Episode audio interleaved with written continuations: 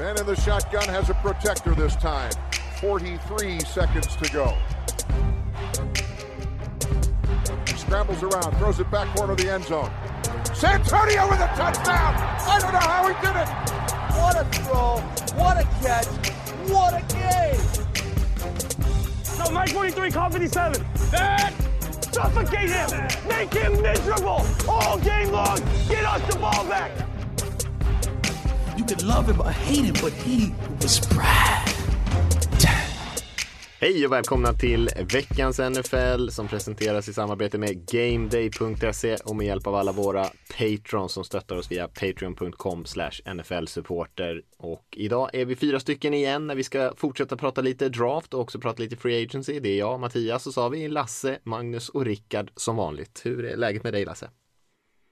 Eh, men det är jättebra. Eh, nu händer det ju grejer där eh, med eh, spelare som släpps, kontrakt som skrivs och eh, kommer in allt mer i tugget kring draft. Så att eh, jag, jag har inget att eh, böla över alls. Ja, gött, gött. Hur är det med dig Magnus? Nej, men det är väl lite samma sak, att nu börjar man komma in i den här perioden där man uppdaterar Twitter var 20 sekund ungefär bara för att se att har det här hänt eller har det hänt. Och bara, väldigt, väldigt sällan så blir man ju glad av det som har hänt. Men eh, det är ändå en så här anspänning och det, det är liksom lite liv i NFL igen. Ja visst, det är ju faktiskt eh, kul att det händer lite grann och det lär ju bara bli mer och mer de här nästkommande dagarna. Rickard, du, eh, ni blev ju av med er eh, tackle här, Trent Brown. Ja, men det var, det var inte så oväntat. Jag tror att både Raiders och Patriots är glada över att Raiders är glada över att få bort honom för att han var ganska missnöjd och Patriots är nog glada att få tillbaka en bra tackle för en billig peng. Ja, visst. Och eh, den typen av nyheter kommer ju hela tiden här och vi ska väl försöka vara hyfsat aktuella och ta några av de lite större grejerna och sen kika lite på Free Agency-listan här, vilka som finns tillgängliga. Men eh, ja, vi spelar ju in här på tisdagskvällen och de flesta som lyssnar lyssnar väl någon gång under onsdagen eller torsdagen kanske och då har det väl kanske hänt en del grejer. Eh, men eh, vi ger ett hyfsat nuläge i alla fall utan att dyka in för mycket på det. Och sen så ska vi prata lite defensive backs. Vi ska prata cornerbacks och safeties idag. Eh, två intressanta grupper som de flesta grupper brukar vara. Eh, kanske inte de starkaste i draften men det finns ändå en hel del bra spelare där att prata om. Och jag tycker vi kan börja med eh, några eh, saker som har hänt runt om i ligan som ändå står ut lite grann och det första är väl det som har varit en följetong under ganska lång tid att eh, Cowboys Lasse äntligen fick eh, Dak Prescott signad här till ett hyfsat långt kontrakt i alla fall. Fyra år, 160 miljoner sägs det i första läget här. Ja, Eh, jag och väldigt många andra Dallas-sympatisörer är ju jätteglada över detta såklart.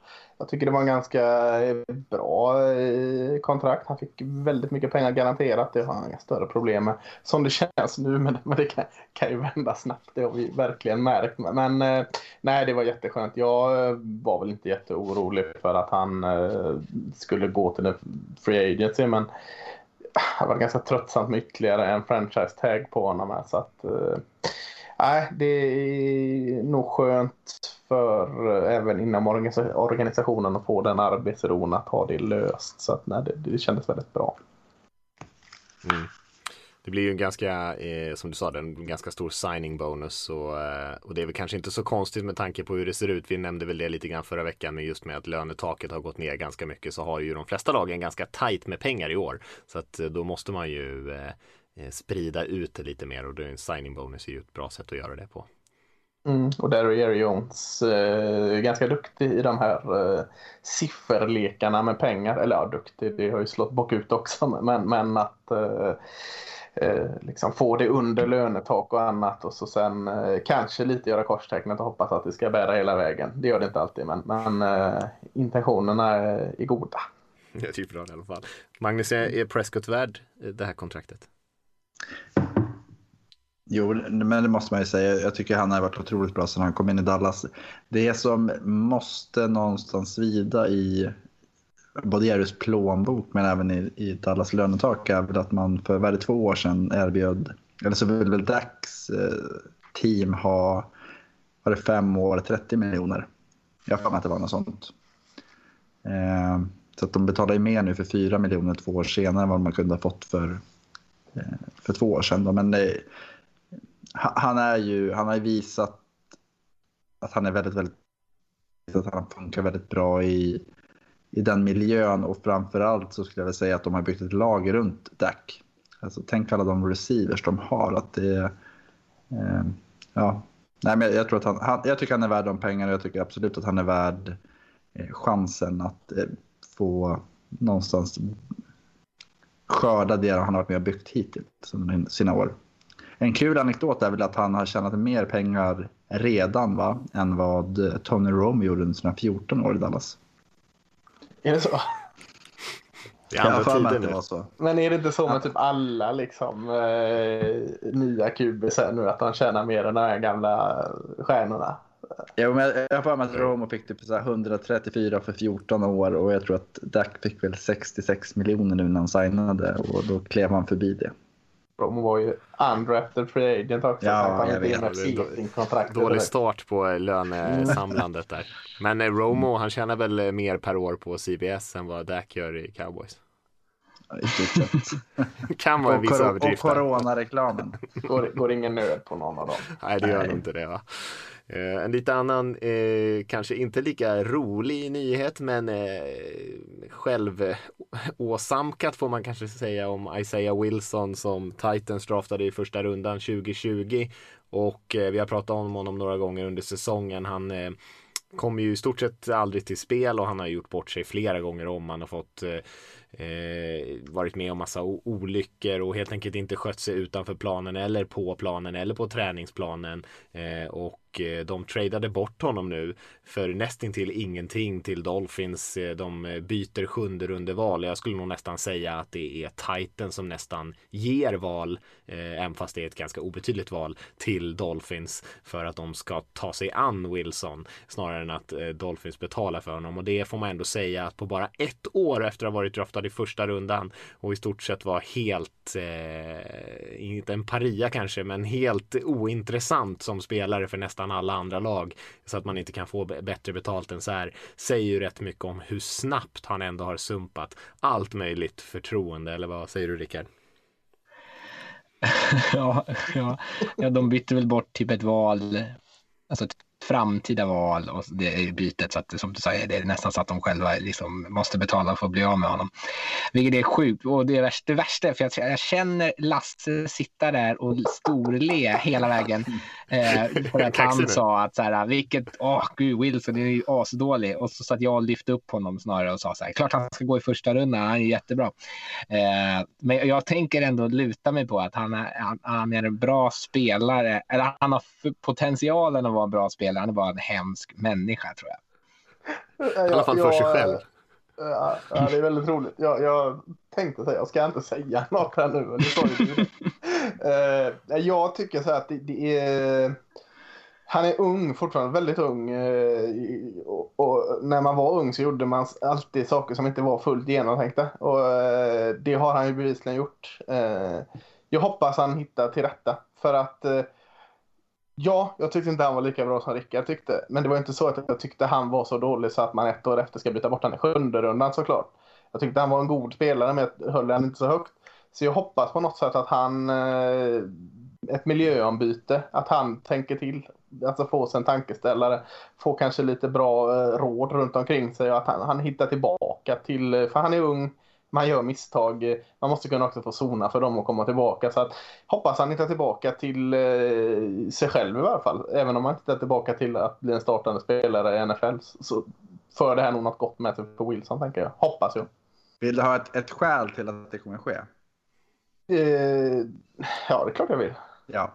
Eh, Brian Flores, coach Mm. i Miami, han gick i Poly Prep High School. Mm. Eh, Isaiah Wilson, den som han har tradat till sig, gick i high school på Poly Prep. Ja. Eh, En skola som är känd för att pumpa ut talanger till eh, både division 1 och andra, andra eh, alltså inom fotbollen men andra skolor också, eller andra sporter också. Ja. Eh, och det som brukar vara kännetecknande är att det är en ganska så tuffa kvarter. Att de brukar inte ha riktigt koll på hur de ska bete sig. Och det är väl det jag tror att, att Miami de som hung, hugger på den här killen är nog för att Brian Flores känner att ja, jag vet vart han kommer ifrån, jag kommer kunna prata med honom i alla fall. Så kan inte Miami fixa Wilson så kommer ingen göra det. Nej, vi hoppas du har rätt för att uh, ung uh, människa som, som 22 bast. Uh, måste få chansen att liksom hitta rätt. Mm. Det var, jag såg i någon tweet om det att det var, han hade ju tre snaps för Titans under hela 2020 och det var ju victory formation varje gång så att han, han är ju en vinnare. Ja jäklar. Analytics-folket älskar honom. Exakt. Plus minus statistiken ser jäkligt bra Ja, eh, nej men de har ju försökt köra lite tough love där i Titans. Vi ska väl inte prata hela dagen om Isaiah Wilson här men eh, eh och det har inte funkat för de har ju varit ut ganska eh, publikt och sagt att de är besvikna på honom, missnöjda med honom, att han måste ta ansvar, att han måste växa upp och, och han har ju bara fortsatt egentligen och trampa i klaveret så vi får hoppas att han är färdig med de grejerna nu.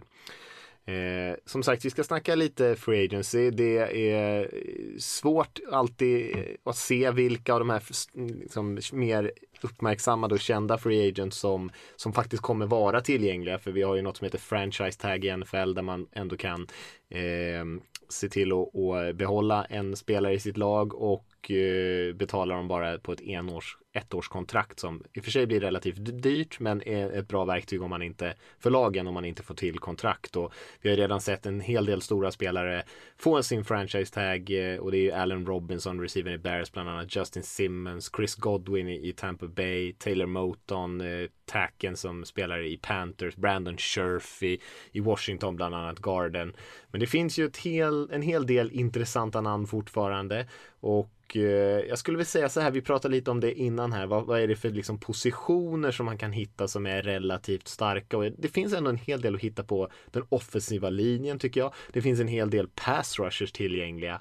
Är det några namn där på free agency-listan som står ut som spelare som ni skulle tycka att det här eh, är kanske en bra spelare att ta in men kanske också man kan få till ett hyfsat schysst värde i alla fall på ett lite kortare kontrakt.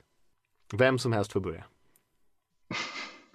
Jag, jag, tyckte ju väldigt mycket om Tyus Bowser när han kom i, i, in i draften. Så han, han har inte riktigt... Oj, oj, Jag vet inte vad jag gör.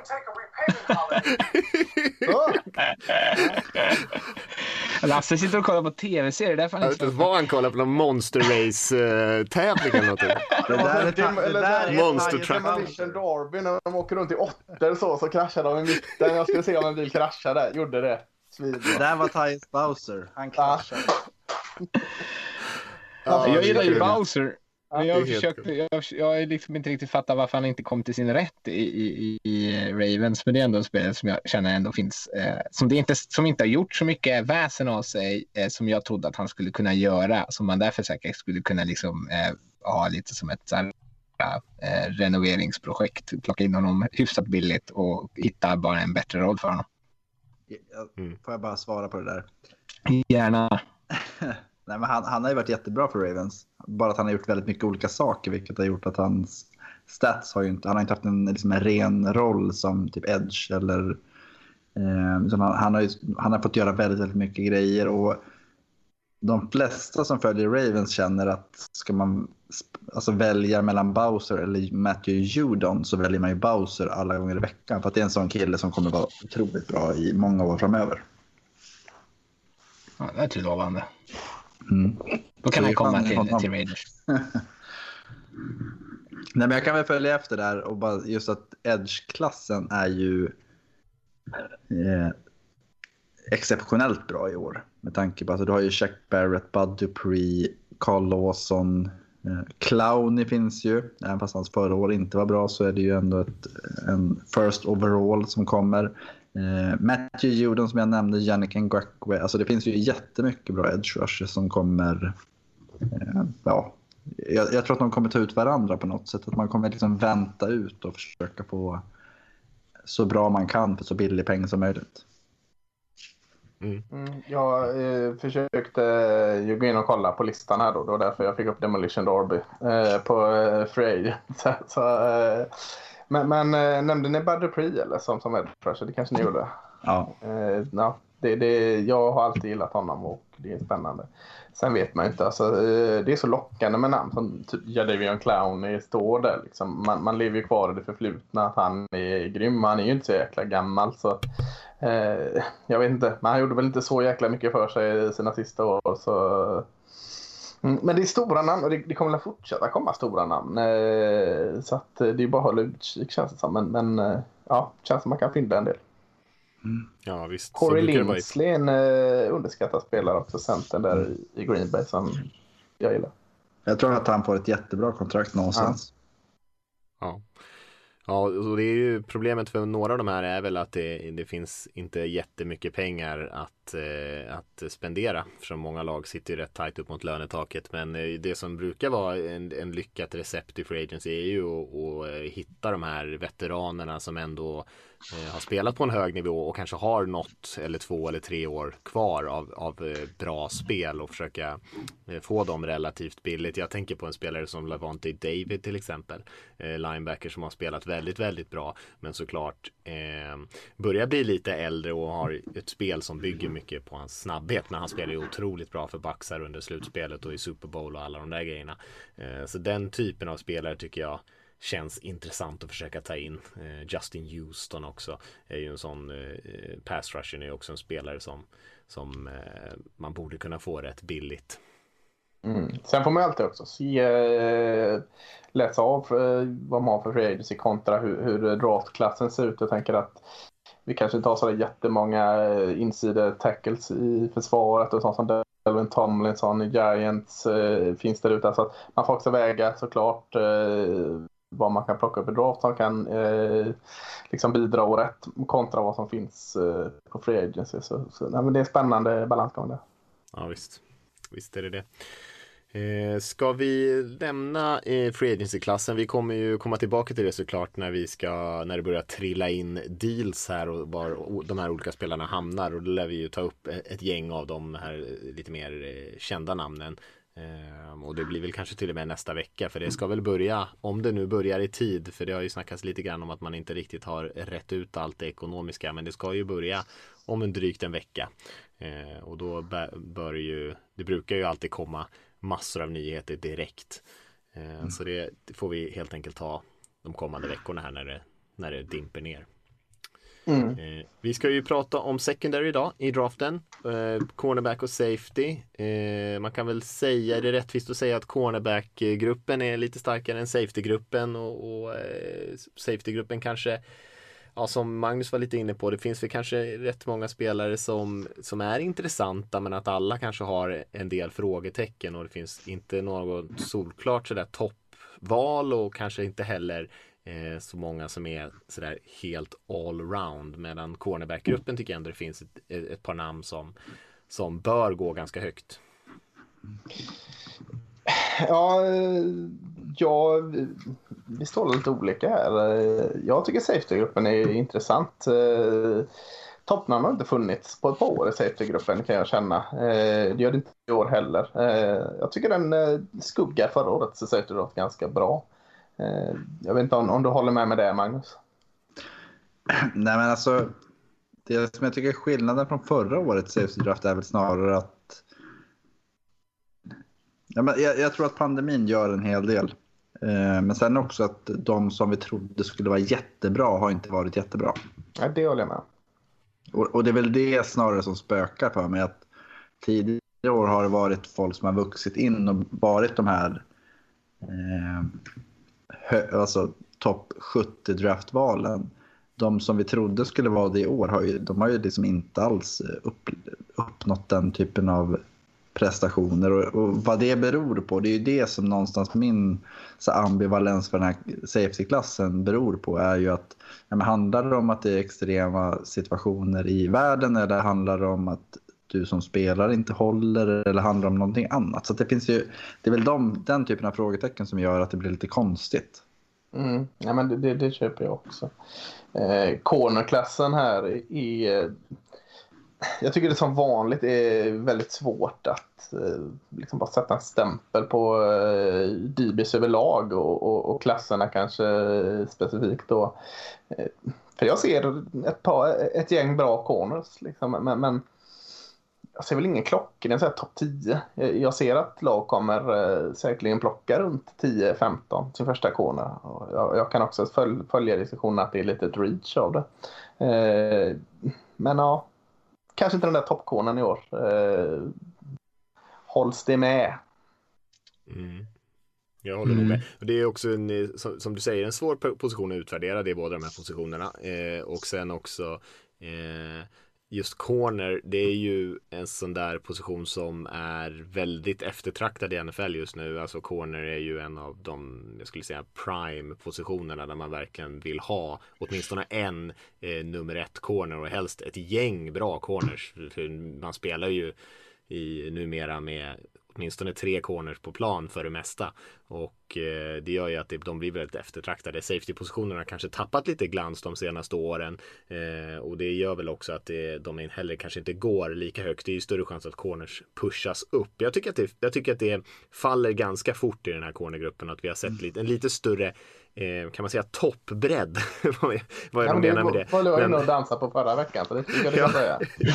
alltså fler bra spelare som kan tänkas gå i första rundan tycker jag vi har haft de senaste åren än vad vi har i år. Jag tycker att det, att det, det kommer ganska tidigt liksom en linje där man tänker att ah, men nu finns det duktiga spelare men de kommer troligtvis gå lite senare.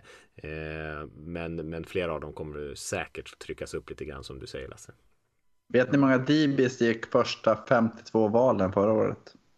Jag antar att det gick en med val nummer 52 då, annars har jag varit sjukt. Ja. 51 också kan jag bara för att hjälpa ja, okay. Uh, räknar du Shin som en safety? Ja. Mm. 8. 16. Ja, där, ja, däremellan säger jag. Då säger jag 12. 12 var rätt. Kolla. Det gick sex corners i första rundan. Ja, men exakt. Det, som sagt, de går ju Fyra högt ofta. Fyra safeties direkt i andra rundan i stort sett. Och sen så två corners, eh, Jalen Johnson och Trevon Diggs. Just det. Tycker det, bara, för det, att stärka, ja, men bara för att stärka Mattias, det han säger, liksom att det, det är ju det, det, är ju det man letar efter lite. Och det var ju många som, alltså känslan efter förra årets draft var att många liksom sträckte sig efter DBs. Ja, det, det är väl egentligen heller ingenting som, som säger att det inte ska bli så i år, även att vi och väldigt många andra kanske inte har så många, 12 stycken eh, topp 52 så eh, lutar det mycket åt att det blir så också. Mm.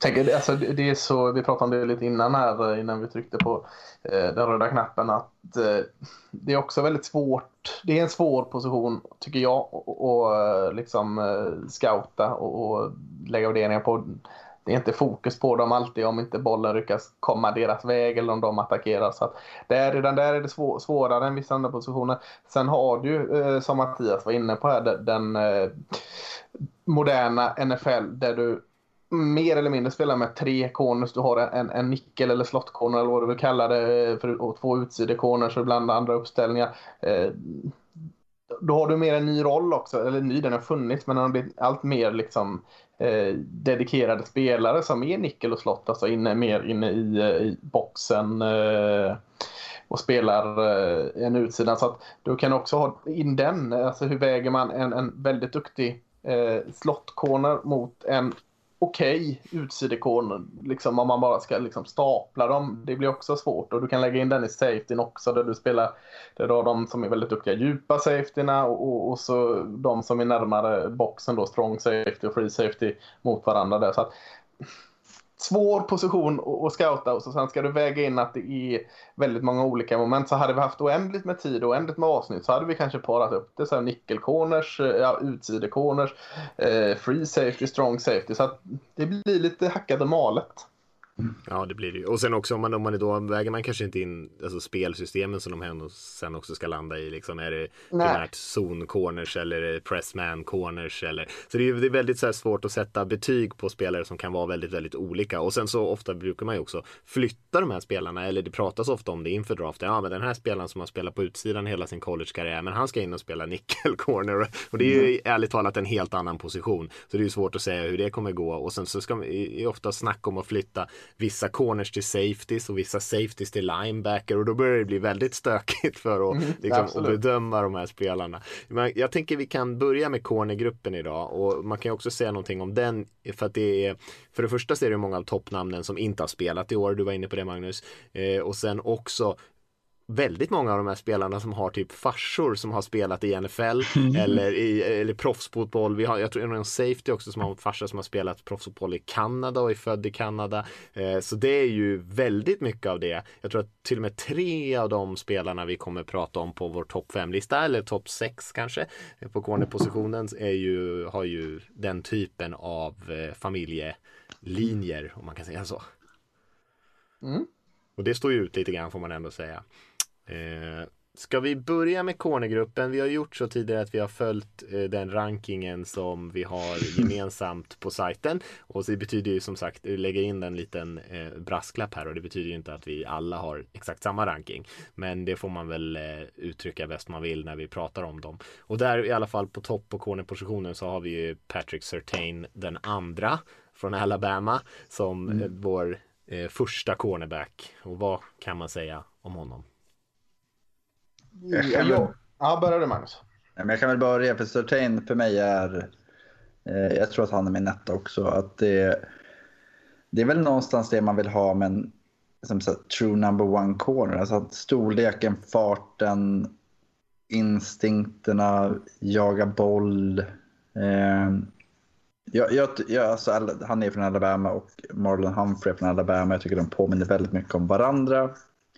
Eh, han gick lite senare än vad de flesta tror att Certain går, men det är ändå samma liksom så här, fysiska profil och den här aggressiviteten att hela tiden tävla och vilja. Och, eh, han, om man, om man tänker så här, är du atletisk och stor och stark och hela den biten så är det viktigaste att du har det mentala. Och jag, jag tycker Surtain har den här snabbheten och reaktionsförmågan att se vad som händer och reagera på det.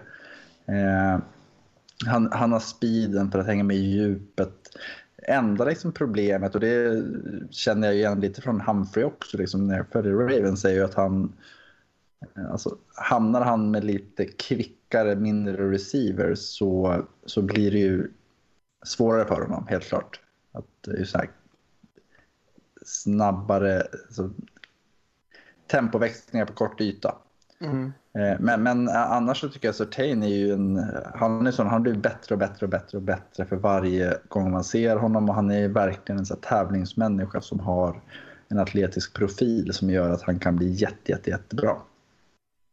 Ja, jag, jag har också Certain högst upp på min lista.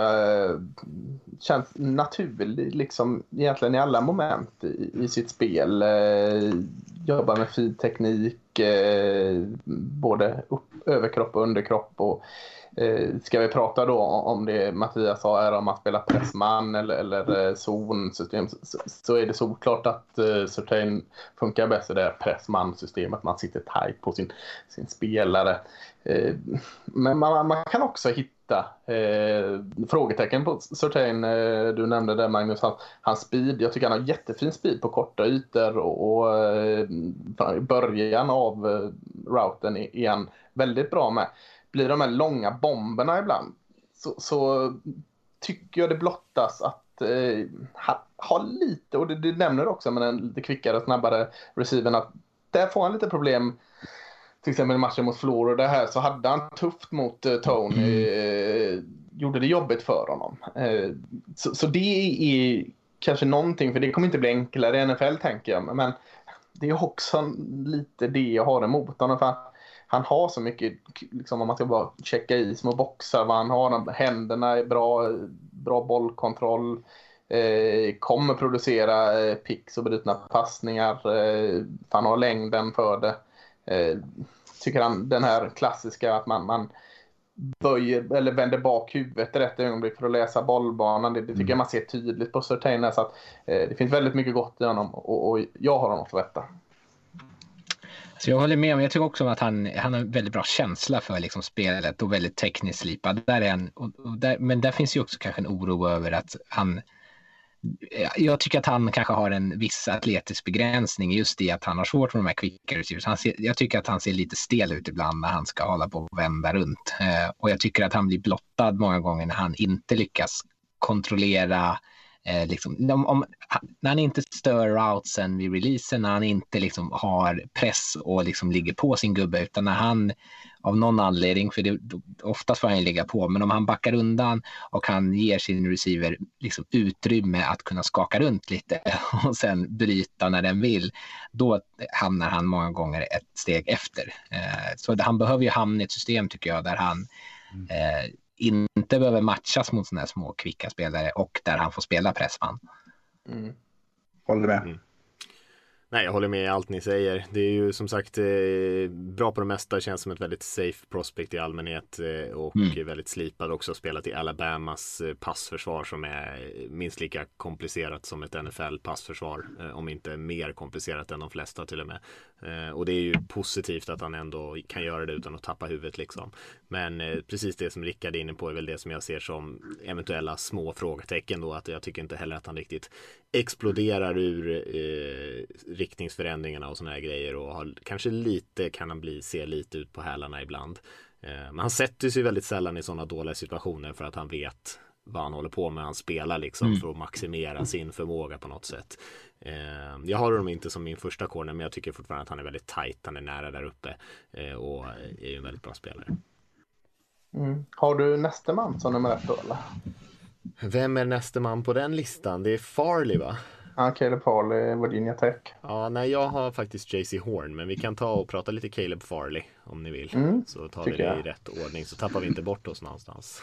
Ja, Intressant men... bakgrund på honom. Han spelade ju quarterback i high school ja, och spelat mm. på, på lite receiver också innan han hamnade på cornerback.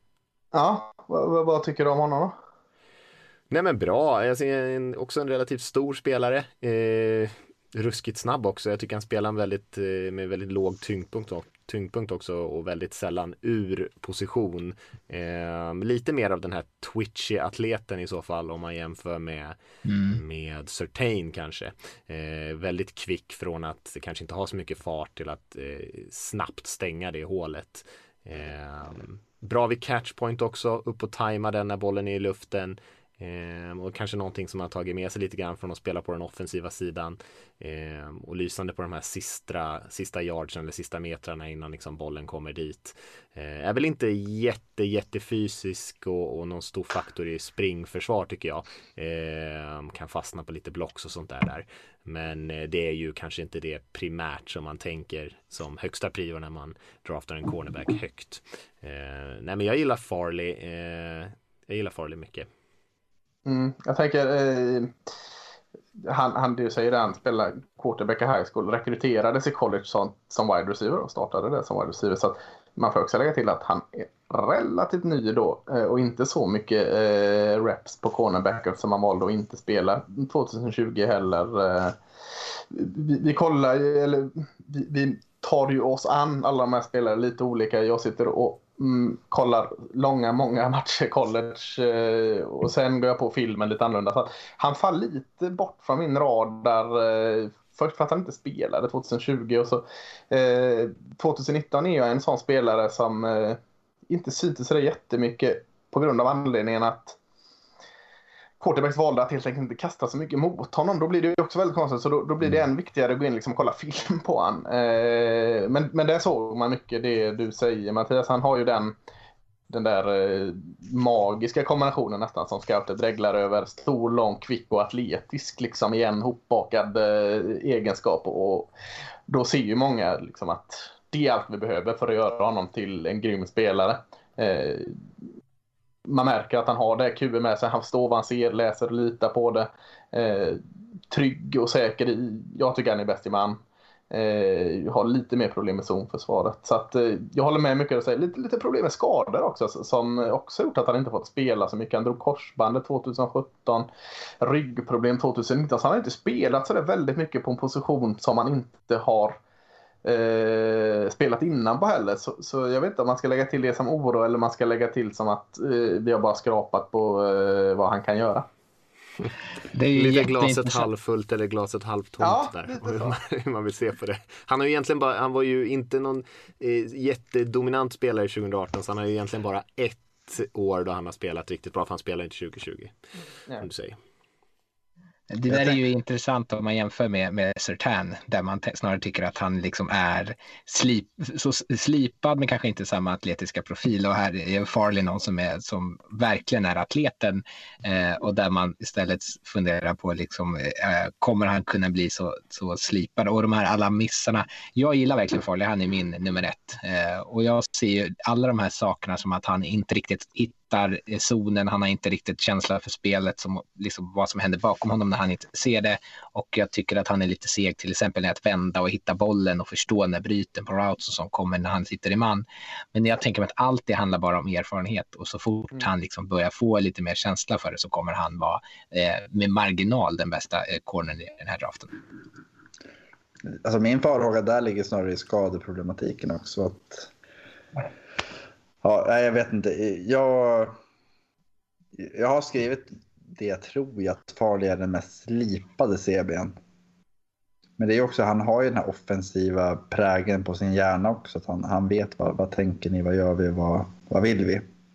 Eh, sen handlar det om att han ska kunna kombinera sin skalle med den atletiska förmågan. Det, det är ju det som är hans utmaning. Mm. Mer slipad än Sertan alltså. Ja, jag, jag, jag tycker det är rent, alltså Sertan tycker jag för mig är mer, det handlar mer om atletisk förmåga. Ja, där är vi oense. Bra! Ja, vad bra. Kul, Ja, behöver vara. vattendelare. Farley Sertan. Ja. Ska vi snabbt bort av brödsmulorna från bordet och gå på din nummer ett eh, corner då Mattias? Eller? ja, JC Horn från South Carolina. Eh, ja, nej, han har ju också, hans farsa har ju också spelat i NFL.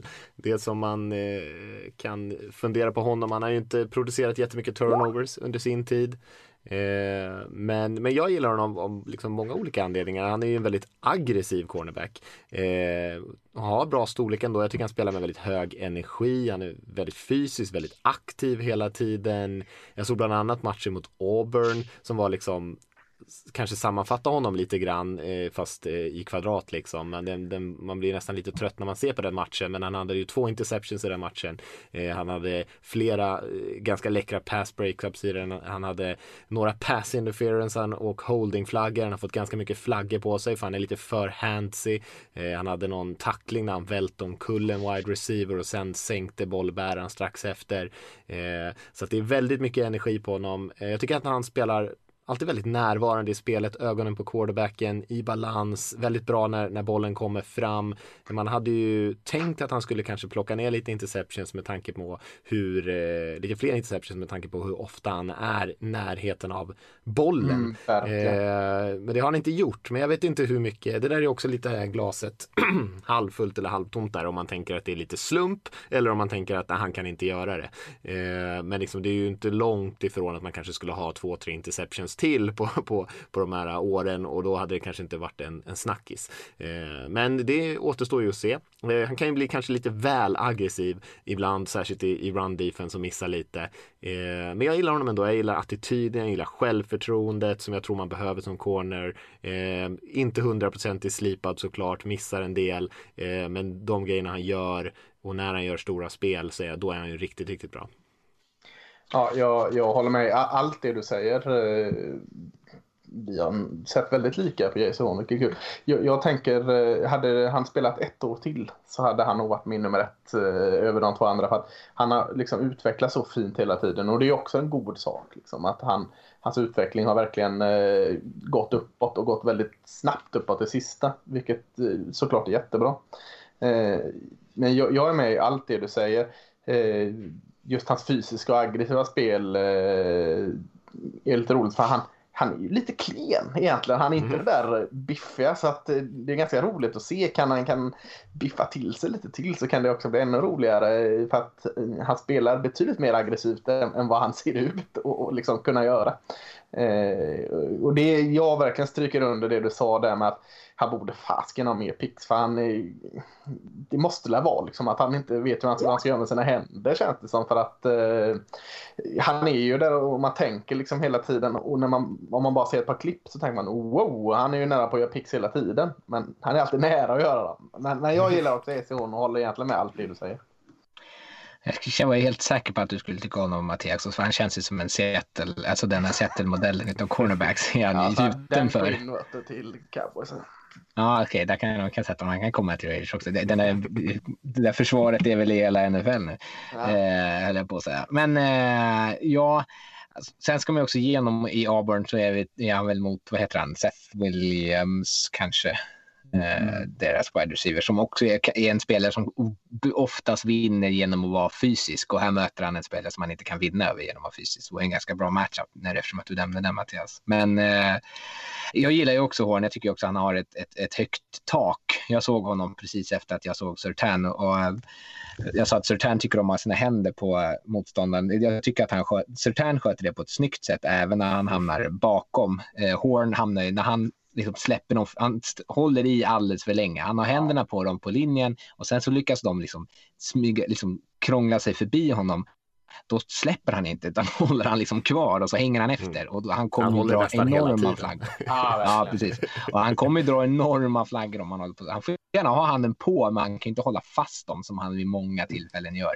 Eh, men det kanske kommer, jag vet inte. Sen, där är det ju också så här, ja, om han har en farsa som har tränat det, någonstans borde ju här jag vet inte, jag har så svårt med corners som håller alldeles för mycket för det känns som en sån här nödpanikinstinkt som kan vara svår att coacha bort.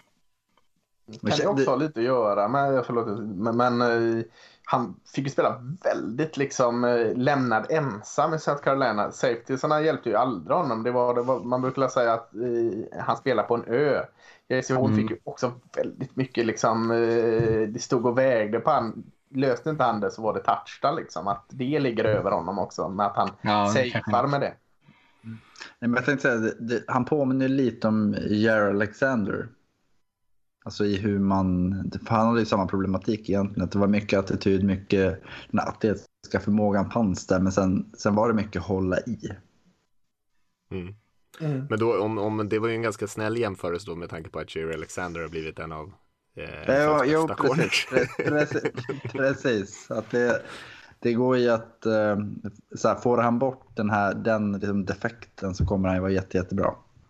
Får han inte bort den då blir han ju, då är han ju utan, då är han inte i NFL om tre år. Ja visst, och det, jag tänker så här, det där det beror på hur man ser på det och vad man letar efter typ av spelare. Jag gillar ju de här spelarna som eh, för, för, liksom, för ingenting i världen så, så vill de låta sin receiver få en lucka och fånga bollen mot dem. Och eh, ibland leder det till att man kanske blir lite för aggressiv, lite för handsy sådär. Och, Ehm, ja, det är, jag gillar den typen av spelare men jag kan tänka mig att om man har ett, ett lite mer ett annat typ av eh, tänk kring sina corners, att man kanske har lite mer passiva corners i system, då passar han kanske inte där. Utan det måste ju vara ett lag som, som kanske spelar med lite mer chansartat försvarsspel, i alla fall till en början om han ska spela. Det är aldrig några lätta mottagningar, när, för han är ju fan, ö, liksom hänger ju på sina spelare. Så det, på, det är ju, jag håller ju med om att det är, är någonting positivt så länge han inte håller dem innan passning, innan bollen kommer. Han är lite Marcus Peters fast inte produktiviteten. Exakt, det är ut, utan pixen i så fall. ja, eh, ska vi hoppa vidare tycker ni? Och då har vi eh, i så fall Eric Stokes från Georgia som eh, slog till med en eh, höjda tid på 40 yarder den här. Jag tror han sprang på 4.25 eller 4.24 eller något åt det hållet i alla fall på sin pro day. Ehm, och det var kanske inte så oväntat att han skulle springa snabbt. Han är ju en gammal friidrottare som, och det syns ju också när han spelar, att han, att han har den speeden. Ehm, och är en sån här spelare som kanske har varit lite, lite snack om att han inte har producerat så mycket turnovers men slog ju till här med fyra interceptions sitt sista år här eh, och kanske svarar på några av de frågetecknen. Ja, jag är skyldig till att han eh, ligger så här högt. Eller, jag gillar ju Stokes eh, väldigt mycket. Eh, eh ja, alltså, det är så roligt att se för att eh, 2019 så eh, fick han jobba ordentligt mycket.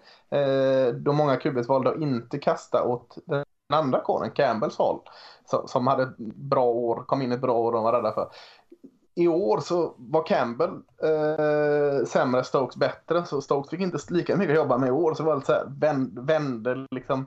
Helt plötsligt fick han göra allt och så sen ingenting. Och så, så det, det var en ganska rolig situation. Och det, det talar ju gott för Stokes liksom att eh, eh de vände bort ifrån honom. Men, men eh, som du säger, jättesnabb, eh, grym speed. Eh, vilket han utnyttjar bra tycker jag. Eh, han vet vad han ska göra av sin speed. Han, han har råd att ge lite lina, alltså säkerhetsavstånd eh, mot sin man och ändå liksom ta ikapp det.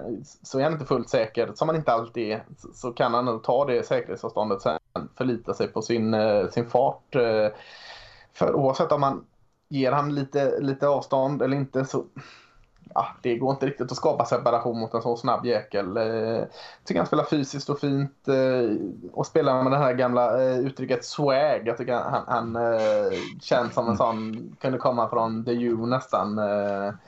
Men, men har vi också det här att är det bara speed vi pratar med Stokes? Förlitar han sig bara på den? För han är lite slarvig i markeringen. Och, ja, jag vet inte, en, en sån grej som jag kanske alltid har svårt att se, men det känns inte alltid som han, han läser helt rätt. Eh, och, och, kan också se lite klump ut, så jag ser ju ganska eh, många liksom, frågetecken, men, men eh, han vet vad han ska göra med sin speed och använder den bra. Nej, men, alltså, jag håller med dig i, i mångt och mycket överlag. Men han har en, han släppte en touchdown under 2020 och det var till Devonte Smith. Mm. Eh, men i övrigt så, alltså han, han har ju den här, just det du säger, swag och speed, swag, speed och styrka. Mm. Att han, han är ju väldigt, väldigt sällan långt ifrån sin spelare. Så det gäller att, ha, att, att han möter quarterback som faktiskt vågar utnyttja att ah, men nu vart det en halv meter separation och sen slår man. Eh, om man jämför med Horn så är han ju inte lika mycket akt, alltså, att han håller med händerna utan han, han är ju där. Mm. Eh, Sen kan det skilja sig väldigt mycket när han kommer upp i NFL-nivå också. Att det blir ja, men, vad han förväntas göra och vad, vad han klarar av att göra. Men jag tror ändå att han har... Alltså Stokes är ju verkligen en så hit or miss-prospect eh, som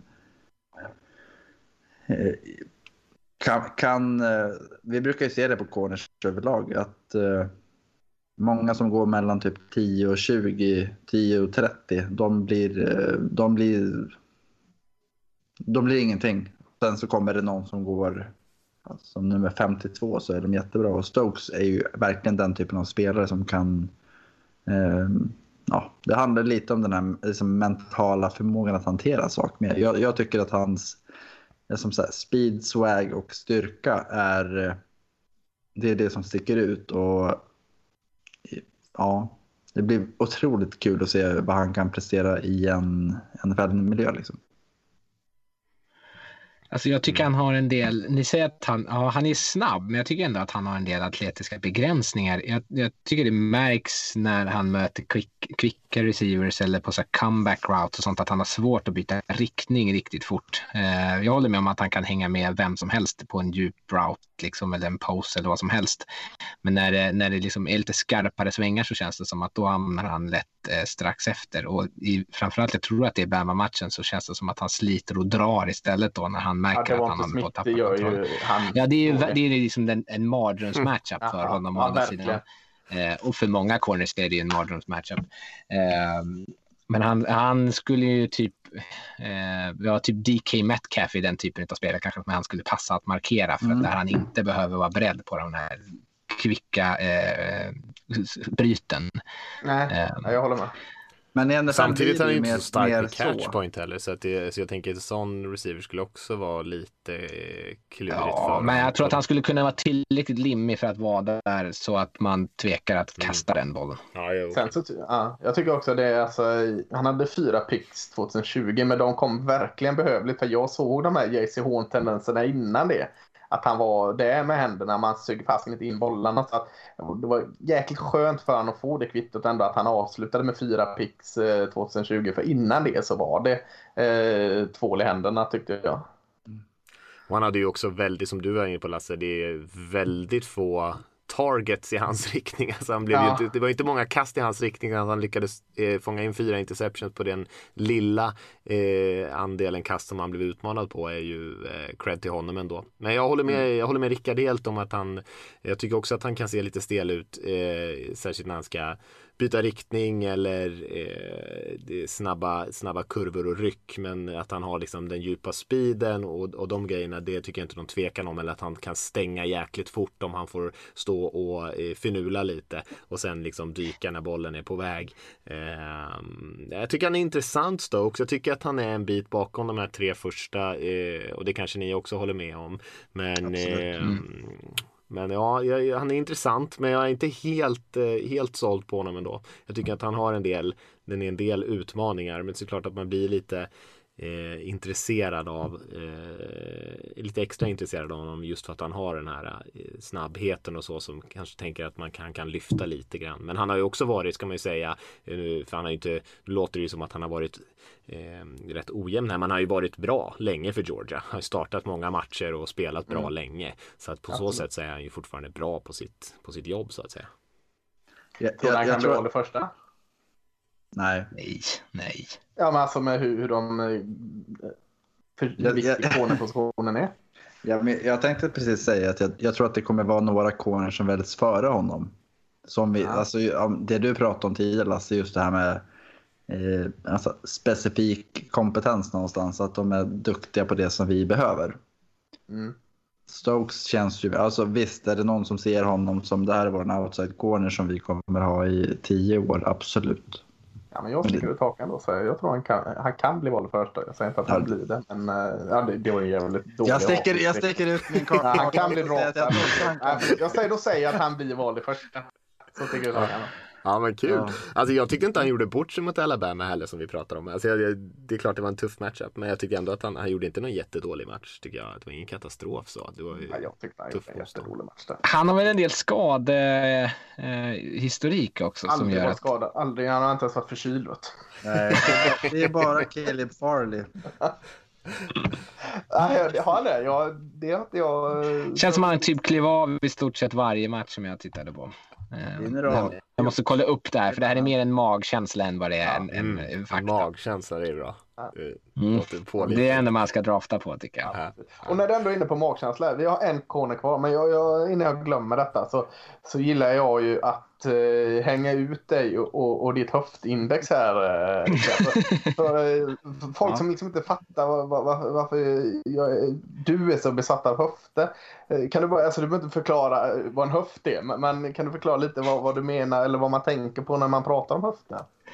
Alltså, jag tänker på när jag pratar om höfter Mm. framförallt är typ en spelare som kan i stort sett springa åt alla håll, i alla riktningar, var han än tittar med överkroppen. Eh, att man liksom kan vända, man kan backpedla jättefort, eh, alltså att man kan backa fort, man kan vända halva kroppen, titta på kuben och samtidigt röra sig fort. Och att liksom varenda liksom, eh, reaktion man gör där man måste förflytta sig i sidled eller byta riktning, att det liksom går sömlöst. Eh, att man ser ut som en sån här gammal, riktigt gamla tv-spel där alla spelare bara rör sig i samma riktning hela tiden oavsett vilket håll man drar dem och när man flyttar dem så. Så tycker jag en bra spelare är bra efter. Att det går liksom fort och de öppnar dem utan problem. Eh, och jag vet inte var det började. Alltså, första året som jag verkligen satte mig och tittade på draft prospect så tittade jag på, och det här är ett dåligt exempel, det fattar jag ju också, men då tittade jag på DJ Hayden som Raiders draftade, och det var så vart 2013 Mm. tror jag. Eh, och det gick inte så bra för hans NFL-karriär, eh, men han är ju så otrolig eh, atlet, och, eh, eller var i alla fall, eh, och hade sådana fina höfter. Så där blev jag liksom ändå på något sätt förälskad i att så här, så här tycker jag att mina corners ska röra på sig. Mm, svinbra, tack. Det, det, var, eh, det var bättre än jag hade hoppats på. Ja men just för då är- corners är det ju är extremt viktigt såklart för att hela receivern, det de flesta receivers försöker göra är ju få cornern att öppna höfterna åt fel håll så att säga. Och, och om de som är då lite stela, de är ju rätt körda vid det om de, om de lyckas med det. Men apropå fina höfter, ska vi ta Mm. eh, nummer fem här på listan då? då? Eh, som namnet kanske många känner igen, Asante Samuel Jr. Det är klart, pappa är ju såklart Asante Samuel då, som eh, spelade många, många år i NFL, eh, var lite av en turnover-maskin om jag inte minns fel. Ja, eh, höftmaestro, ska du få börja med att prata om eh, Asante? Ja, jag har ju dem högt upp då på min lista förstås eftersom att han är högt upp på mitt höftindex. Höftbonus. Ja. Eh, ja, precis. Höftbonus. Eh, men eh, jag tycker att han är eh, jättehärlig att kolla på. En härlig man-corner. Eh, som, han ska inte spela i zon tycker jag, utan han ska spela man. Han har den här alldeles för överkaxiga attityden, lite som eh, Magnus var inne på med Jair Alexander, att man är så här, tycker att man själv är bäst i hela världen och i världens, liksom har ett ego större än hela fotbollsplanen. Eh, väldigt limmig, alltså eh, sitter klistrad på sin receiver när han eh, eh sitter i man-markering. Eh, Bra flyt som sagt, höfterna öppnar upp utan problem, kan hänga med var eh, sin receiver ens tar vägen. Eh, väldigt reaktiv, liksom, utan att bli stressad. Eh, alltså att han känns som att han inte det känns som att han har det här självförtroendet, att han alltid hela tiden är en bättre atlet än den personen man möter och att han alltid känner att ah, okej, han svängde, ja, då gör jag väl det också. Och så gör han det liksom jättesnabbt så är han där hela tiden. Um, sen är han ganska liten och det fattar jag liksom. Men jag tänker mig att han har både eh, liksom en spelstil och självförtroende som ger honom fem centimeter extra i och 15, cent, nej, 15 kilo extra i vikt. Liksom, för att han, han backar ju inte från en tackling. Han är ju som en liten pitbull snarare. Eh, jag tycker absolut att han ska spela på utsidan. Eh, Ja, det finns ju de som tycker att han ska spela slott. Jag, jag tycker inte det. Jag tycker att han klarar sig alldeles utmärkt där. Jag påminner lite om Jason Verrett som eh, Chargers draftade för några år sedan som aldrig älskar riktigt eh, material. Ja, jag vet det. Ja, och också, det är också en spelare med bra höfter. Och han var ju snarare skador som hindrade hans karriär så hade han ju varit en eh, future Hall of Famer.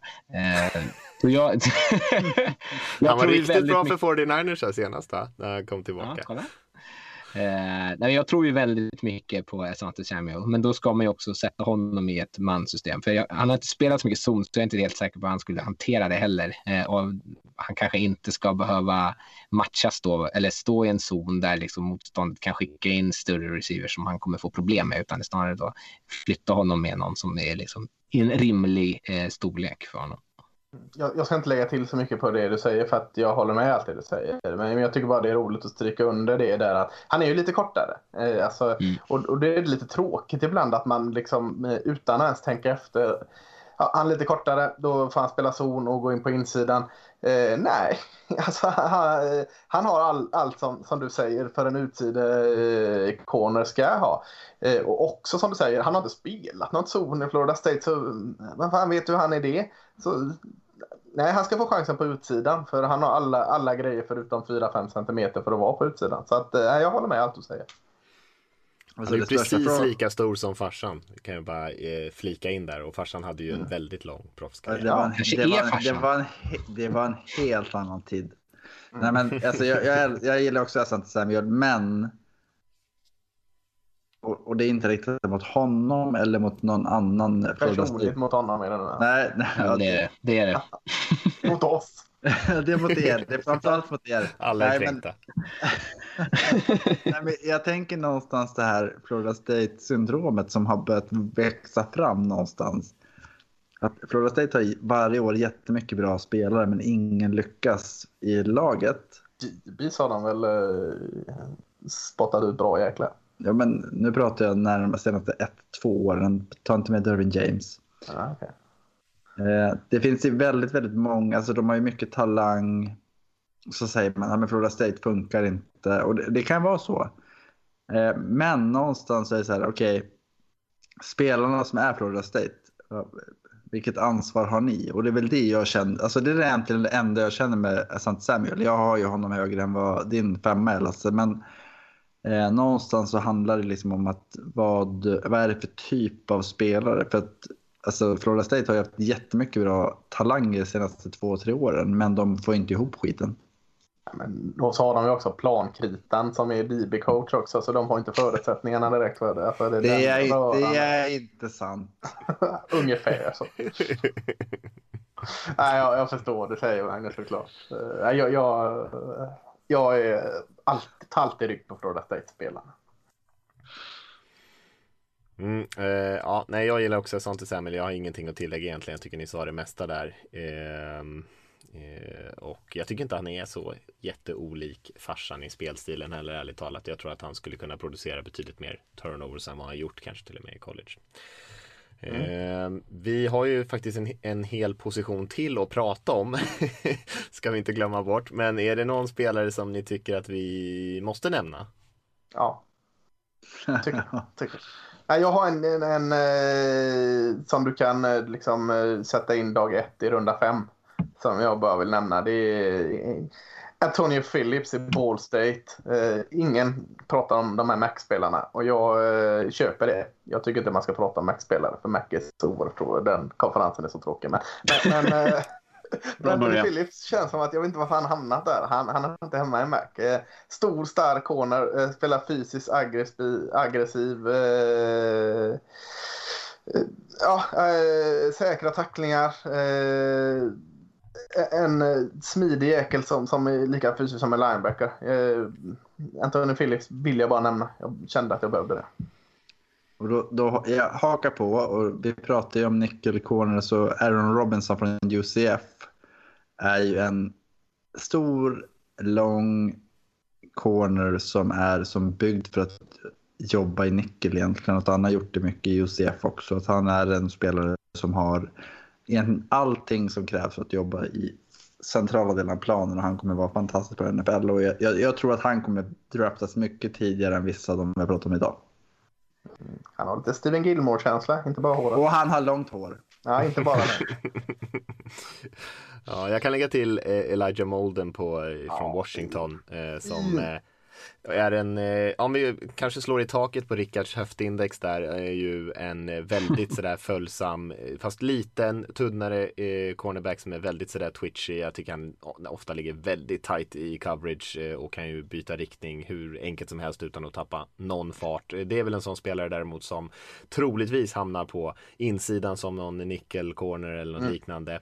Eh, Det har till och med pratats om att kanske slänga in någon som någon safety eh, roll eller sådär som man också har testat lite grann i Washington. Men eh, liten spelare men eh, mycket att gilla tycker jag. Mm, håller med. Får jag lägga till en? Då lägger jag till Ifiato Melenfanwu. Eh, bara för att eh, jag tycker att han är en...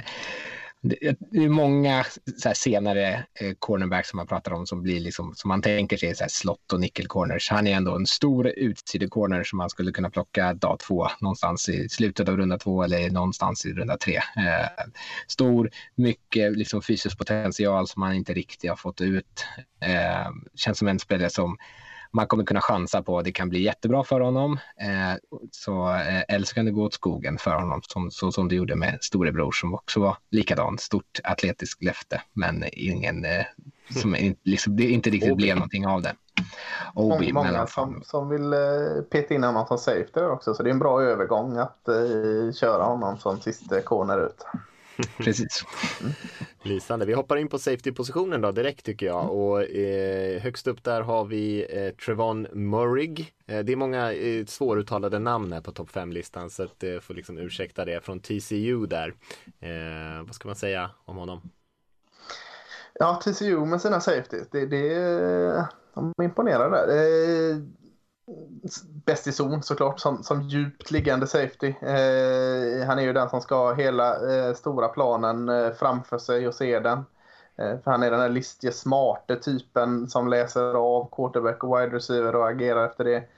Eh, inte lika bra när han ska spela i, i rent man som även safeties gör en hel del. Eh, det känns lite slöseri att sätta honom där för hans egenskaper i eh, eh, hur han läser och reagerar och agerar har lett till många picks och vågar gå på bollen och bra händer. Eh, Tycker också att alltså, när, han kom, när han får tiden, och, och, och det låter också lite konstigt, när han får tiden att attackera eh, spring. Så, men, men, han läser av det också bra, attackerar eh, fint mot Lana Scrimmage. Eh, tyvärr med riktigt dåliga tacklingar. Det, det, det är väl, det, alltså, han har bedrövlig tacklingsteknik tycker jag. Men eh, det känns väl som någonting man kan slipa på. Eh, men en, en eh, free safety som ska vara längst bak på Morrick och, och eh, jag gillar verkligen honom.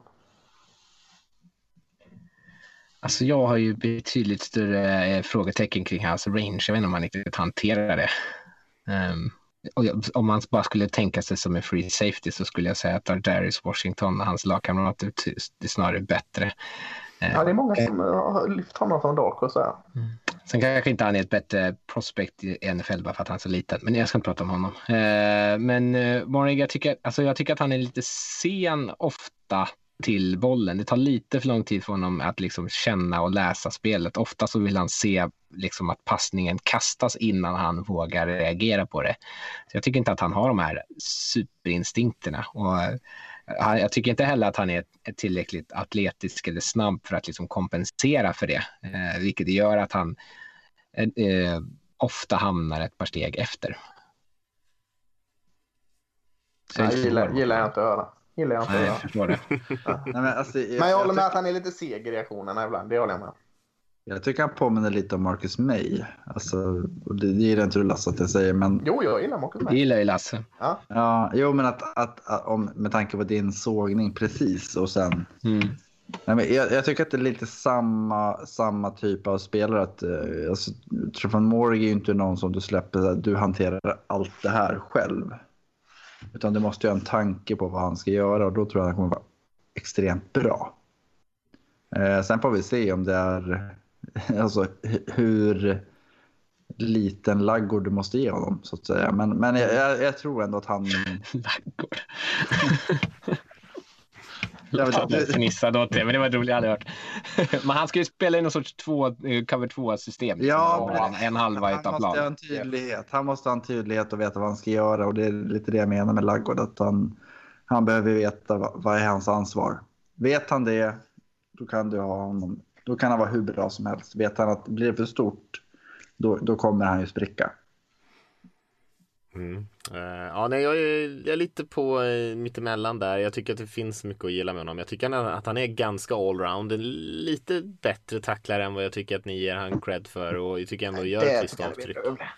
Jag tycker ändå att det gör ett visst avtryck där i springförsvaret. Men det är ju så här, jag tycker också att när han har ganska tydliga reads på vad han ska göra, typ när det är screens och såna grejer, då kan han flyga fram och göra ganska schyssta tacklingar bakom line of scrimmage och sådär. Men annars kanske han är lite, lite för passiv och samma sak kanske i passförsvaret då, att när han liksom, när han har ett tydligt uppdrag så, så löser han det ganska bra. Jag tror, jag tror inte att eh, Murray, även fast han kanske blir den första safetyn som går, så tror jag inte att han kommer gå sådär jättehögt och det är väl kanske inte så eh, superförvånande just med den positionen och med, med gruppen vi pratar om här. Men Men vad menar du med jättehögt? Eh, Alltså jag tror inte Ellan går till första rundan.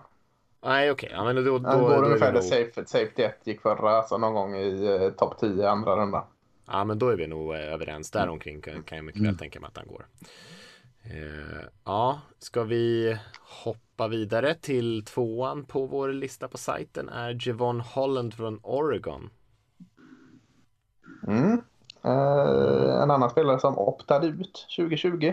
Just det. Eh, men men, eh, ja, tyckte han var väldigt bra 2019 så det är det jag har med mig av honom.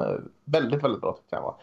Spelade wide receiver och corner i high school. Jag gillar ganska många så det kanske man inte behöver lägga till. Men, men där är den, här är ju min fälla när det kommer till, till DB-spelare. Att är man en bålhåk eh, med bra instinkt och Mm. pålitliga händer så, whip så går man upp i mina betyg. Alltså, jag, jag liksom sväljer det betet varje gång och jag är medveten om det. Eh, men det är han ju. Eh, är mångsidig på gott och ont. Spelar corner, slott, djupt eh, och i box som safety. Och han är ju klart av alla roller. Eh, kan också ligga mot honom att vart ska han spelas egentligen. Men eh, safety, slott nära boxen någonstans eh, kan jag se honom i NFL. Läser bra, reagerar snabbt. Eh, någon form av explosivitet emot bollen eh, eller bollbäraren. Eh, kanske inte den snabbaste, mer explosiv än snabb för han lite problem med de stora ytorna. Därför vill jag ner han i boxen lite mer. Eh, för jag tycker också han är smidig och rörlig nog för att, att klara av det. Eh, eh höfterna fina där Rickard. Eh, så, så att, eh, han, han, har inte speeden för att, att, falla ner djupt men i boxen så gör han nytta. Mm, jag tycker att han är lite av en allt-i-allo där. Som du säger, mångsida, mm. gjort det mesta och han har gjort det mesta väldigt bra också. Eh, jag funderade på så här, kan han bli någon typ av Turon Matthews-spelare eh, på nästa nivå som kanske roterar runt lite på olika positioner, får lite olika uppdrag och blir lite gubben i lådan så. Eh, för han har ju inte eh, tajmats jättebra på de atletiska övningarna och sådana här grejer. Och, men det gjorde ju å andra sidan inte Matthew heller om man jämför med, med de som verkligen pikar de testerna. Eh, men som du säger, få tänderna på många bollar, alltid där eh, och skapa grejer. Eh, tycker han är ganska, spelar smart, spelar med bra timing.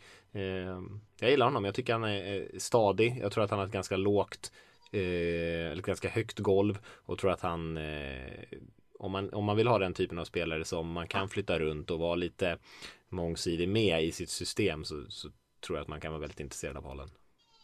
Mm. Alltså, jag håller med om Holland att han, han är ju den här eh, Jack of all trades på något sätt. Mm. Eh, och, och, det är ju alltid, alltså det är en lyx på, på ett sätt med en safety att en spelare som kan göra det mesta på, på, på ganska bra nivå, eller ganska hög nivå. Och det, jag, jag tror att eh, hans lycka handlar väldigt, väldigt mycket om vart han blir vald. Ja, till vilket lag tänker du och system? Ja, ja, men vad, vad har man för tanke på mm. Absolut, jag håller med. Det är en speciell spelare och, och gillar också det du säger Mattias. Att det, det är de här Honeybadger-dragen liksom. Kan man nyttja det bäst så, så och som du säger Magnus så kommer man in rätt där så kan det nog gå bra ganska snabbt. Då gäller det att han också kan utveckla de instinkterna för det har han ju inte riktigt än. Tycker du det? Tycker. Nej, det tycker jag inte. Eh, framförallt inte på så komplicerade route-koncept. Jag tycker att han, Nej, det, det kan jag hålla han behöver ganska med. begränsat utrymme ja. som han blir ansvarig för. Och får han spela nära linjen eller liksom ha så här short zones, alltså, alltså relativt nära line of scrimmage där han behöver passmarkera så tycker jag han kan hantera det ganska väl. Eh, att han, ju längre liksom passspelen utvecklar sig desto mer känns det som att han liksom inte vet vad han håller på med tycker jag. Ja, men du säger det. Det kan också göra att han ser lite långsammare ut också. För alltså just att han... Mm. Äh, ja, Står ju på hälarna ett par gånger ja, när, när, liksom när någon springer förbi honom och så känns det som att han bara oj nej, han sprang förbi mig. Ja, nej, men det, det känner jag igen. Ja, ja. Mm. Mm. Eh, trean på listan så har vi Richie Grant från UCF och eh, det är väl också en sån där intressant spelare som Eh, har varit en ganska duktig friidrottare tidigare bland annat och har ju en del av de här explosiva dragen. Eh, jag vet att Magnus, du gillar honom väldigt mycket. Jo, men alltså UCF överlag är ju, är ju en eh, skola som eh, får ganska lite respekt överlag. Eh, men, men Richie Grant har ju en, alltså när jag tittar på honom så attityd, kraft, spelglädje. En, en, en kille som, han kan göra det mesta. Eh, han gör allting det som krävs. Men han, vissa saker gör han ju med lite extra, ja, jag vet inte om man ska kalla det vilja eller om man ska kalla det ja, sug, driv, drift. Alltså, han, han har den här förmågan att, alltså om man tänker, pratar om Tyra Matthew så tycker jag Richie Grant har ju liksom väldigt mycket av de, den typen av egenskaper att driva ett lag. Alltså, en playmaker, en, uh, han kan spela på alla nivåer egentligen. Tycker jag. han har väl gjort också, han har spelat Jo, men, ja, han, han, har gjort det. Han har gjort ja. det. Sen, sen är frågan om man kan göra det i NFL. Och det är ju, ja. Men, men jag tycker att han har ju verkligen den här Alltså, ska du emulera en spelare så är Richie Grant absolut varje dag i veckan. Ja, jag gillar också Richie Grant äh, jättemycket. Eh, vet inte riktigt varför han hamnar eh, under i mitt betyg här än, än uh, Haaland. Jag, jag, kan lägga dem på samma ungefär, fast de är inte samma typ av spelare. Men, eh, sen ska man vara så enkel när man placerar dem i fack så är Holland mer en strong och, och Richard Grant mer en free safety, tycker jag. Mm. Där han får täcka lite större ytor bak i planen, vilket han gör jättebra.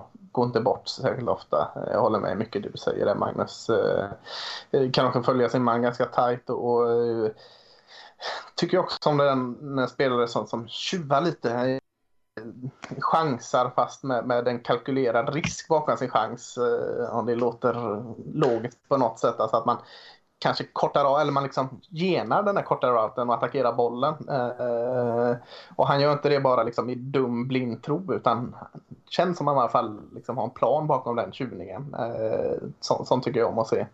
Eh, ibland kan han komma lite ur rytm och eh, trass, jag vet inte, brist på ett annat ord, han trasslar in sig i sina egna fötter ibland eh, eh och ser lite onaturligt ut. Eh, inte heller riktigt fysiken kanske för när, det, när han ska ner i boxen och, och stångas. Eh, klarar det bra nu men jag tänker nästa nivå kanske inte. Men, men jag, jag gillar också han som djupt i planen där och eh, hur han liksom kalkylerar vad han gör ganska snabbt. Han ser ju bollen och spelar den väldigt bra tycker mm. jag. Känns som att han vet vad, hur han ska ta de här vinklarna. Men eftersom att du är inne på det här med tjuvar så känns det ju också som att han ibland eh, försöker liksom ta ett steg för tidigt. Eller, alltså, när, många gånger går det bra, men det är också en del gånger där han har ett par riktigt fula spel där han liksom går bort sig för att han läser fel. Eh, mm. Och sen så står han liksom helt ur position när bollen väl eh, kommer istället eller när springspelet väl liksom utvecklas.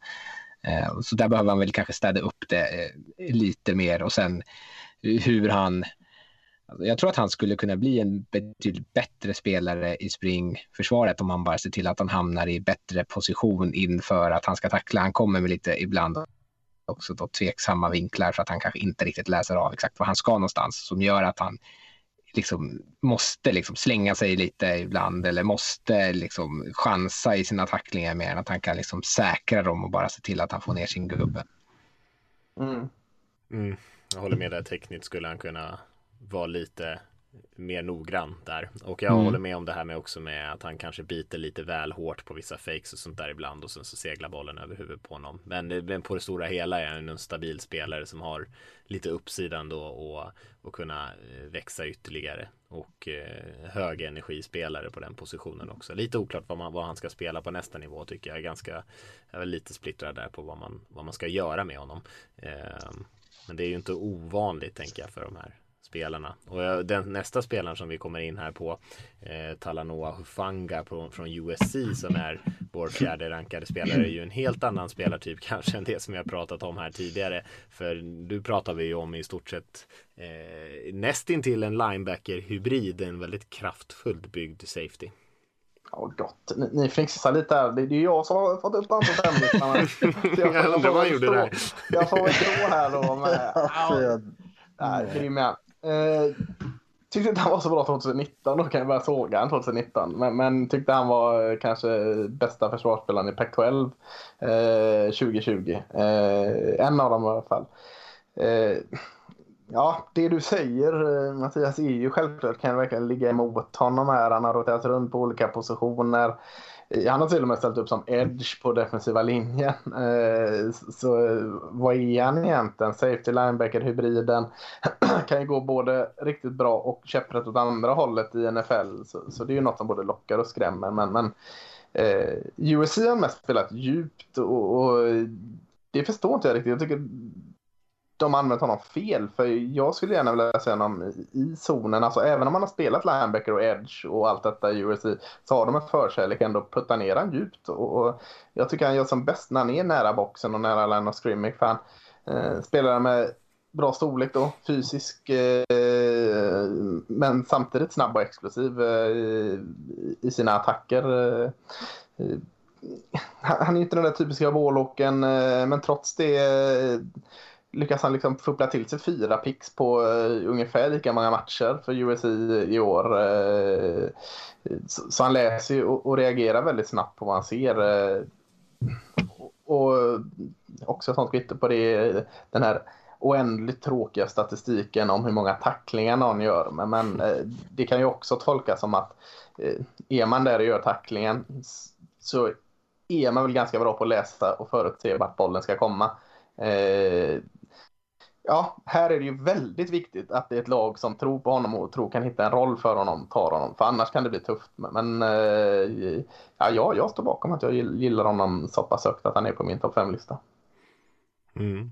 Ja, jag, jag, jag ser honom ju i första hand nästan som en linebacker faktiskt på nästa nivå. Ehm, för som du, du vet som du säger. Jag gillar linebackers.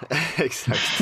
Men som du säger, han är ju bäst runt boxen och jag tycker att han gör ett ganska bra jobb i passförsvar också om han är i de här grunda zonerna. Men jag tror inte att han är atletisk nog eller snabb nog för att täcka djupare ytor och eh, han är ju en ganska downhill spelare som liksom attackerar mm. rakt fram när han ska byta riktning och såna här grejer. Då kan det se väldigt stabbigt ut för en safety tycker jag. Så att, men kan man hitta en sån roll för honom där han är en atletisk linebacker istället för en lite stabbig safety. Då tror jag att det kan säkert funka väldigt bra. Men, eh, men det är en typen av spelare som jag tror kommer inte gå jättehögt i draften.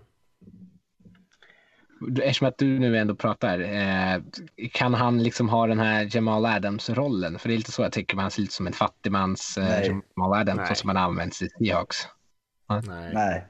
Jag tror inte det. Alltså Adams är ju eh, en oerhört Betydligt mer atlet ja. än mm. Hufanga är. Mm. Men tack Rickard ändå att du försökte. men det låter, jag. Men det låter ju som den rollen när, när man pratar om honom. Ja, men en, en atletisk linebacker på något sätt som man ska kunna använda lite i blitz. Som man ska kunna ha nära linjen. Som kanske inte ska få för mycket fast, mark. Fast han är, ju, han är ju inte det. Alltså, grejen är att eh, någonstans är han ju snarare en spelare som ha goda instinkter men inte jättefina atletiska förmågor. Alltså, jag tycker ni slänger den under bussen lite väl snabbt. Alltså, eh, det är klart att han inte har de mesta. Alltså, att han är lite stel, absolut. Men han är både snabb och explosiv nog tycker jag. Så att, Lasse, eh, Lasse, Lasse, Lasse, Ja. Om jag säger så här, Kamalei Korea. Ja. ja, han hade fina egenskaper. Synd att ett lag tog honom och förstörde. ja, okej, okay, men ja. Eh, anyhow, om du jämför de två som prospects. Ja. ja, men de är ganska lika. Det håller jag med. Ja, och den ena är outside linebacker och den andra är safety.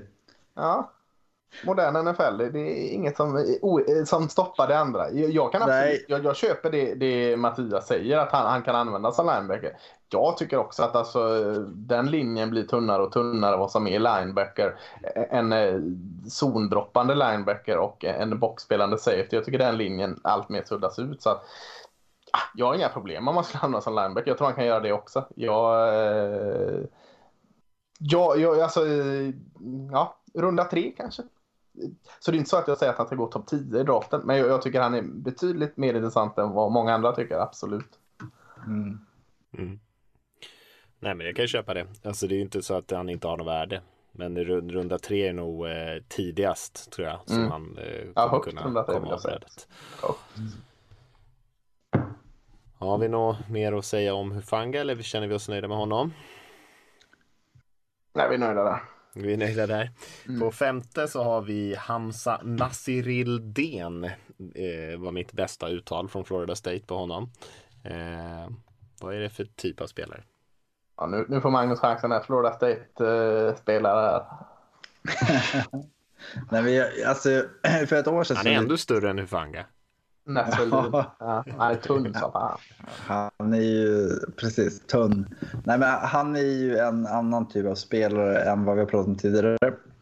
En, en lång, gänglig, alltså hela den här veckla ut sig själv. Eh, problemet, alltså för ett år sedan då hade han gått topp 40, topp 50 i alla fall. Eller? Ja, det hade jag med. Mm.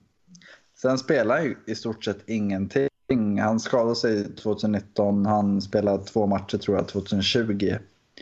Eh, under de två matcherna så gjorde han ju inte jättemycket för att höja sitt eget värde. Men, men alltså han har ju...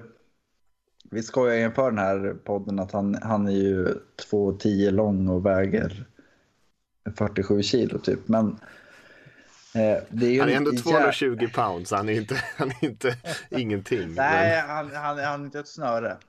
Det är han inte. Men, men han, han, han har eh, den här problematiken, det vi pratade om med, med USC Safety nyss var ju att men, du är ju bättre fysiskt än vad du, är, än vad du ser ut att vara.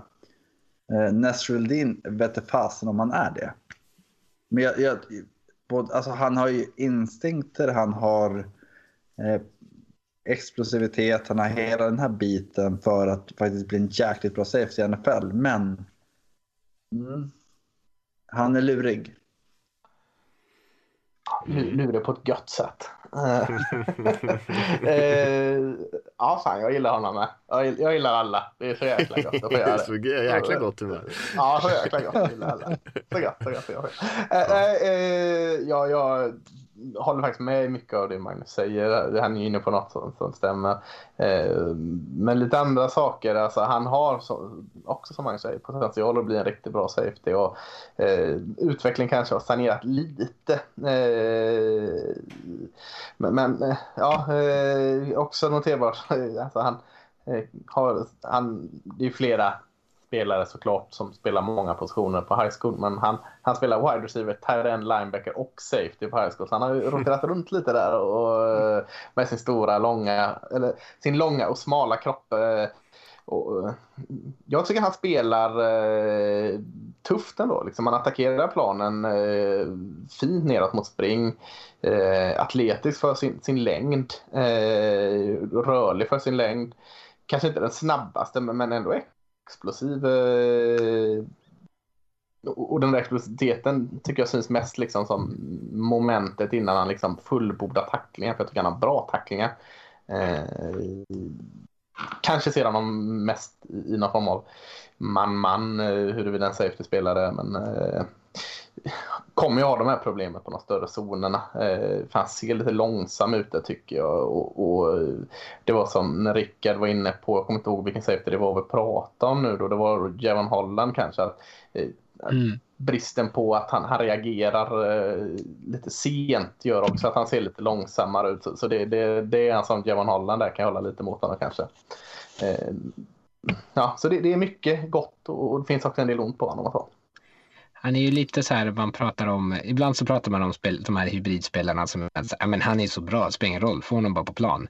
Mm. Eh, och det känns ju inte som att eh, eh, Nasruddin är den typen av spel som man känner att jag måste bara ha honom på planen och där så kanske hans mångsidighet inte längre är liksom en styrka utan det blir snarare, ah, okej, okay, var, var ska vi sätta honom? Hur ska vi få ut honom på plan då? Där, han, där hans brister inte längre liksom kan utnyttjas. Eh, jag tror, att han, jag tror att det finns ett värde i att han har den här mångsidigheten men också liksom en förlust i att han inte är tillräckligt bra på någonting för att man ska känna att ah, just det här har jag en tydlig roll för honom i vårt försvar.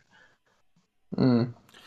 Jag gillar honom eh, faktiskt. Eh, så jag är lite mer positiv än vad, vad ni har varit här. Lasse var ju hyfsat positiv i och för sig. Mm. Men Eh, nej, men jag, jag, är väl också kanske lite skadad av att ha sett Camp Chancellor spela ganska mycket. Jag tycker inte han att han är riktigt så tunn som, som, eh, som ni säljer honom här. Utan jag, jag håller med Lasse om att han är en bra tacklare, en tuff tacklare. Trycker på ordentligt, orsakar lite fumbles med sina tacklingar också.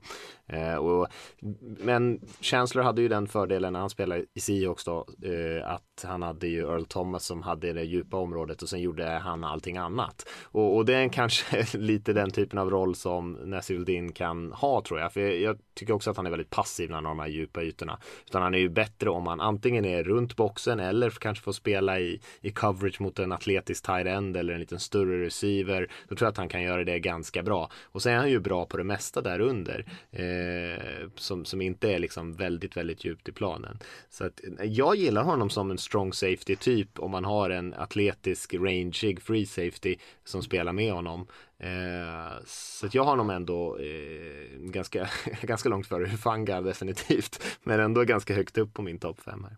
Mm. Jag, jag, du säger Kim Chancellor gillar jag i jämförelsen. Jag har också sagt att han är så bra. Men det är också en annan Florida State Safety som vi har nämnt i den här podden innan. Derwin James eh, eh, tycker också liksom de hade lite samma roll, lite samma stil i Florida State båda två där. Eh, värt att nämna. Säger inte jag att det blir Derwin James av honom. Men lite där.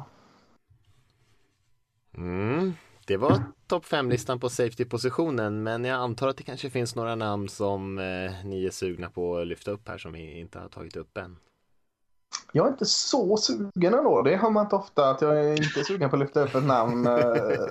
Men, Ja, det skulle väl vara Paris Ford då, i lille, lille, lille Paris Ford i, Pitt, i Pittsburgh. Eh, eh, som jag tycker är spännande. Men annars är det ett ganska stort glapp alltså, i, i min lista. För jag håller de här som eh, att gå i runda två till slutet av runda tre, min, min hög här. Eh, men sen så skulle jag kanske säga att runda fem eh, och neråt resten. Så jag tycker glappet är ganska, eh, det faller efter de här. Ja, jag kan lyfta, det hintade lite om Ordarius Washington, safetyn i TCU som, är, mm. eh, som jag ändå gillar. För att jag tycker om honom just för att han, jag tycker att han rör sig väldigt bra på plan. Eh, jag tycker att han läser spelet och reagerar väldigt fort på det han ser. Sen eh, blir han bränd ibland på lite play action eh, och har kanske inte riktigt farten för att kunna kompensera för det genom att jaga fatt någon. Eh, han, hade han liksom varit längre, för han är 1,73 så han är otroligt kort.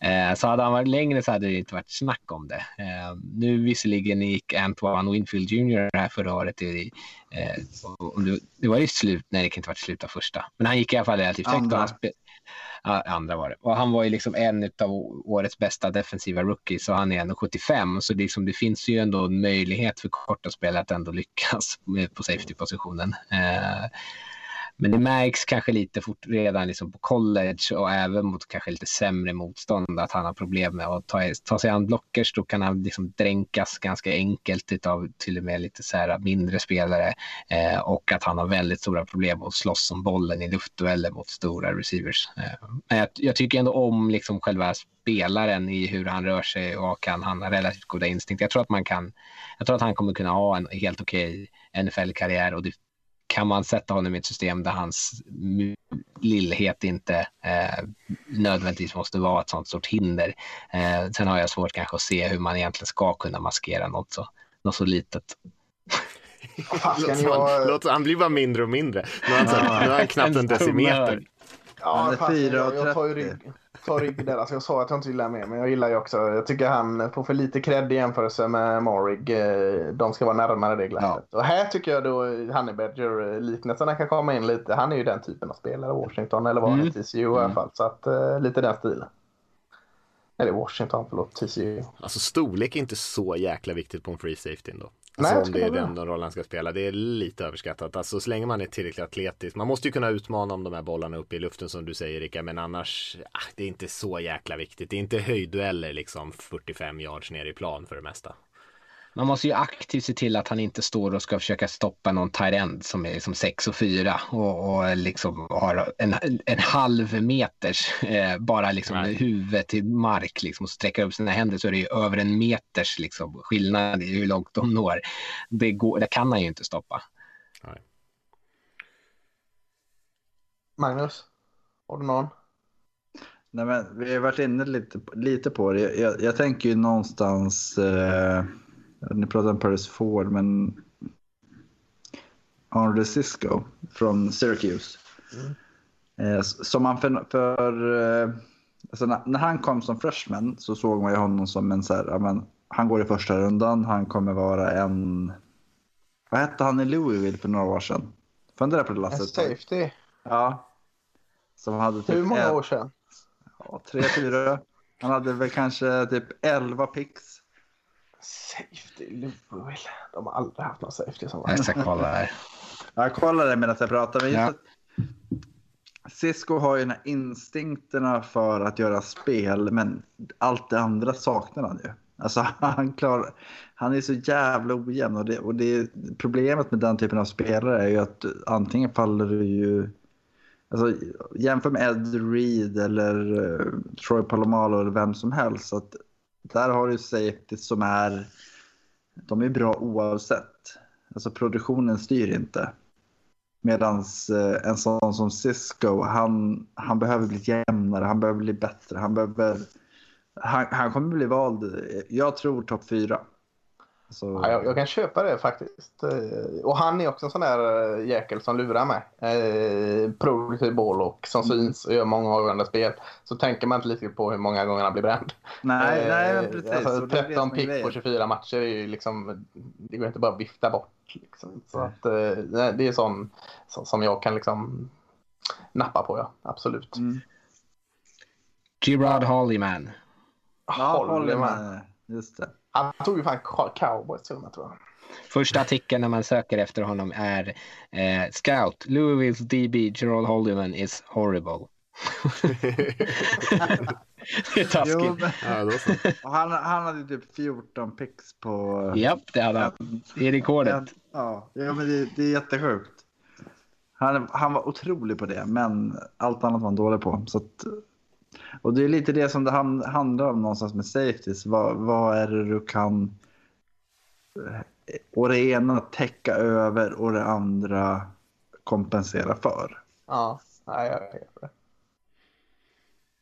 Men han är ju, han är ju eh, boom or bust kan man i alla fall säga om Cisco. Han kan ju mycket väl vara den bästa safetyn i den här draften om när man tittar tillbaka som tre år. Om man bara liksom, om man trycker på alla knappar.